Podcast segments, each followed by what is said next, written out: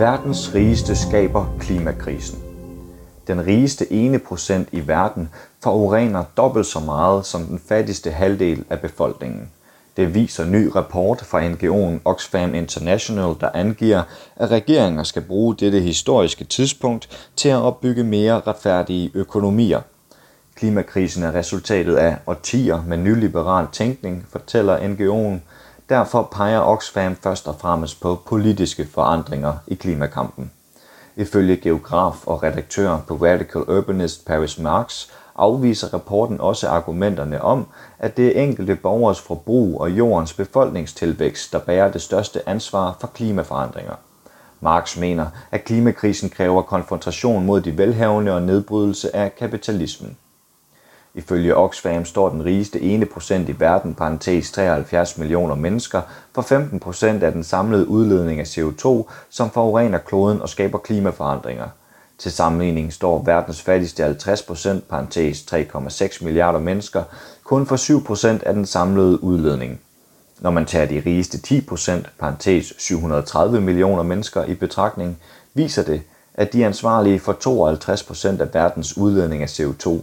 De rigeste 10% forurener altså mere end resten af verdens befolkning til sammen, parentes 6,5 milliarder mennesker. Mellem 1990 og 2015 er verdens udledning af CO2 steget med 60%. De rigeste, der allerede var dem, som forurenede mest, står for 46% af den globale stigning. Derimod har den fattigste halvdel af verdens befolkning nærmest ikke forøget deres forbrugsudledninger, fortæller Oxfam. NGO'en understreger uretfærdigheden i, at de rigeste forurener mest, når det er de fattigste, der rammes hårdest af klimaforandringer. På den måde er klimakrisen tæt forbundet med den globale ulighedskrise, der betyder, at de få forbruger langt størstedelen af de ressourcer, som burde være retfærdigt fordelt og komme alle mennesker til gode, kommenterer danske Oxfam IBIS. Som eksempel henviser Oxfam til en nylig undersøgelse, der viser, at verdens rigeste 10% bruger næsten 45% af den energi, der er forbundet til landtransport, og tre fjerdedele af den energi, der bruges ved flytransport. Nutidens ekstreme ulighed i udledning af kulstof er resultatet af politiske beslutninger foretaget i løbet af de sidste 20-30 år en periode domineret af nyliberal økonomisk tænkning og elitepolitisk erobring, der har set indkomst- og velfærdsulighed stige i de fleste lande, skriver Oxfam. NGO'en mener, at de seneste års politiske beslutninger afspejler dybt forankrede systemer af patriarkat og kolonialisme, der prioriterer dominans og berigelse for nogle på bekostning af andre. Derfor mener Oxfam, at regeringer har en historisk og endelig mulighed for at starte på opbygningen af mere retfærdige økonomier inden for vores planets begrænsninger. Hvis regeringer for alvor mener noget med FN's verdensmål og vil sikre en god fremtid for os alle, så skal de starte med uligheds- og klimakriserne, siger generalsekretær for Oxfam IBIS Christian Weisse.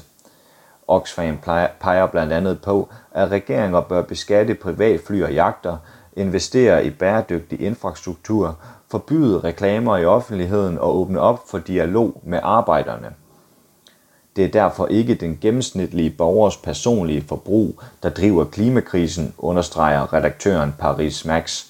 Han mener, at der har været for meget fokus på enkelte borgers forbrugsvaner i kampen mod klimaforandringer. For at løse klimakrisen fik vi at vide, at vi var nødt til at skifte vores pærer, skifte til energieffektive apparater, købe hybrid- eller elbiler, isolere vores hjem, stoppe med at bruge plastikposer og ændre vores personlige forbrug på andre måder, fortæller redaktøren. Selvom Marx komplementerer enkelte borgers initiativer for at gøre deres forbrug mere klimavenligt, mener han, at opfordringen om tiltag fra den almindelige borger fjerner fokus fra de rigeste, der forurener mest. Enkelte borgers personlige klimatiltag er ikke nok til at adressere alvorligheden af den krise, vi står overfor, og de kan lede til perverse konklusioner om, hvor skylden for klimakrisen rent faktisk ligger, skriver Marx. En af de perverse konklusioner er ifølge Marx, at det er jordens befolkningstilvækst, der er skyld i klimaforandringerne. Der er en voksende påstand om, at en af drivkræfterne for klimakrisen er den globale befolkning, skriver Marx – han peger på, at både liberale figurer og økofascister bruger begrebet overbefolkning i klimaretorikken. Ifølge det USA-kanadiske medie Vice er økofascisme en voksende ideologi, der bebrejder overbefolkning, indvandring og overindustrialisering for klimaets nedbrydning. Økofascister mener blandt andet, at klimaforandringer kan, løbes, kan løses gennem massemord på flygtninge i vestlige lande. Men også blandt de mere moderate findes ideen om, at befolkningstilvækst er skyld i klimakrisen. Millionæren David Attenborough, der er et naturformidler på BBC, er blandt dem, som bebrejder overbefolkning for klimakrisen. I det lange løb må befolkningstilvæksten få en ende, siger naturformidleren og fortsætter. Hastigheden for, hvor hurtigt vi vokser, er meget alarmerende. Men redaktøren Marx mener ikke, at jordens voksende befolkning kan bebrejdes for klimakrisen, når det er en relativt lille og velhavende minoritet, der forurener mest. Fokuset på befolkningstilvækst flytter skylden over på lande i Afrika og Asien, hvor befolkninger fortsat er vokset i de seneste årtier, men alligevel har disse mennesker et af verdens mindste kulstofaftryk, fortæller han. Ifølge Paris Marx skal der ikke blot nye politiske tiltag til i kampen for klimaet. Han mener, at klimakrisen kun kan løses gennem et nyt politisk system. Den form for klimahandling, vi har behov for, kræver, at vi tager kampen op mod de velhavende og organiserer os om en vision for en anden form for samfund. Det betyder ikke bare at få de rige til at betale højere skatter, skriver Marx. I den forbindelse forklarer Marx, at flere milliardærer forsøger at grønvaske deres ubæredygtige aktiviteter for at opretholde ideen om, at kapitalismen kan blive grøn. Milliardæren og ejeren af nethandelsfirmaet Amazon, Jeff Bezos, er blandt dem, som har oprettet en klimafond for angiveligt at takle klimaforandringer. Men ingen bevillinger er endnu blevet udstedt fra fonden, mens Amazon fortsætter med at hjælpe olie- og gasfirmaer med effektivt at udvinde fossile brændstoffer, kritiserer Marx. Ideen om grøn kapitalisme er en myte, der også opretholdes af størstedelen af verdens regeringer, hvis investeringer og foranstaltninger blot er en dråbe i havet for, hvad der er behov for, mener Marx. Derfor kræver klimakrisen ifølge redaktøren, at vi aktivt demonterer de økonomiske strukturer, der faciliterer deres formueakkumulering, behandler vores planet som en ubegrænset kilde til gratis råmateriale og genererer alle de udledninger, der opvarmer vores planet. Enten tager vi kampen op mod kapitalismen og den sejrherre, eller også er vi ude af stand til at stoppe klimaforandringerne fra at løbe løbsk, slutter Paris Marx.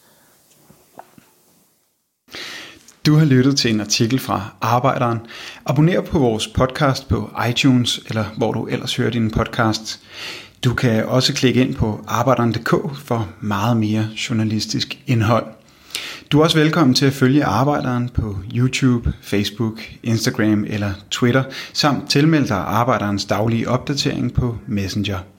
Vil du i kontakt med redaktionen, kan det ske ved at sende en mail til redaktion arbejderen.dk. Tak fordi du lyttede med.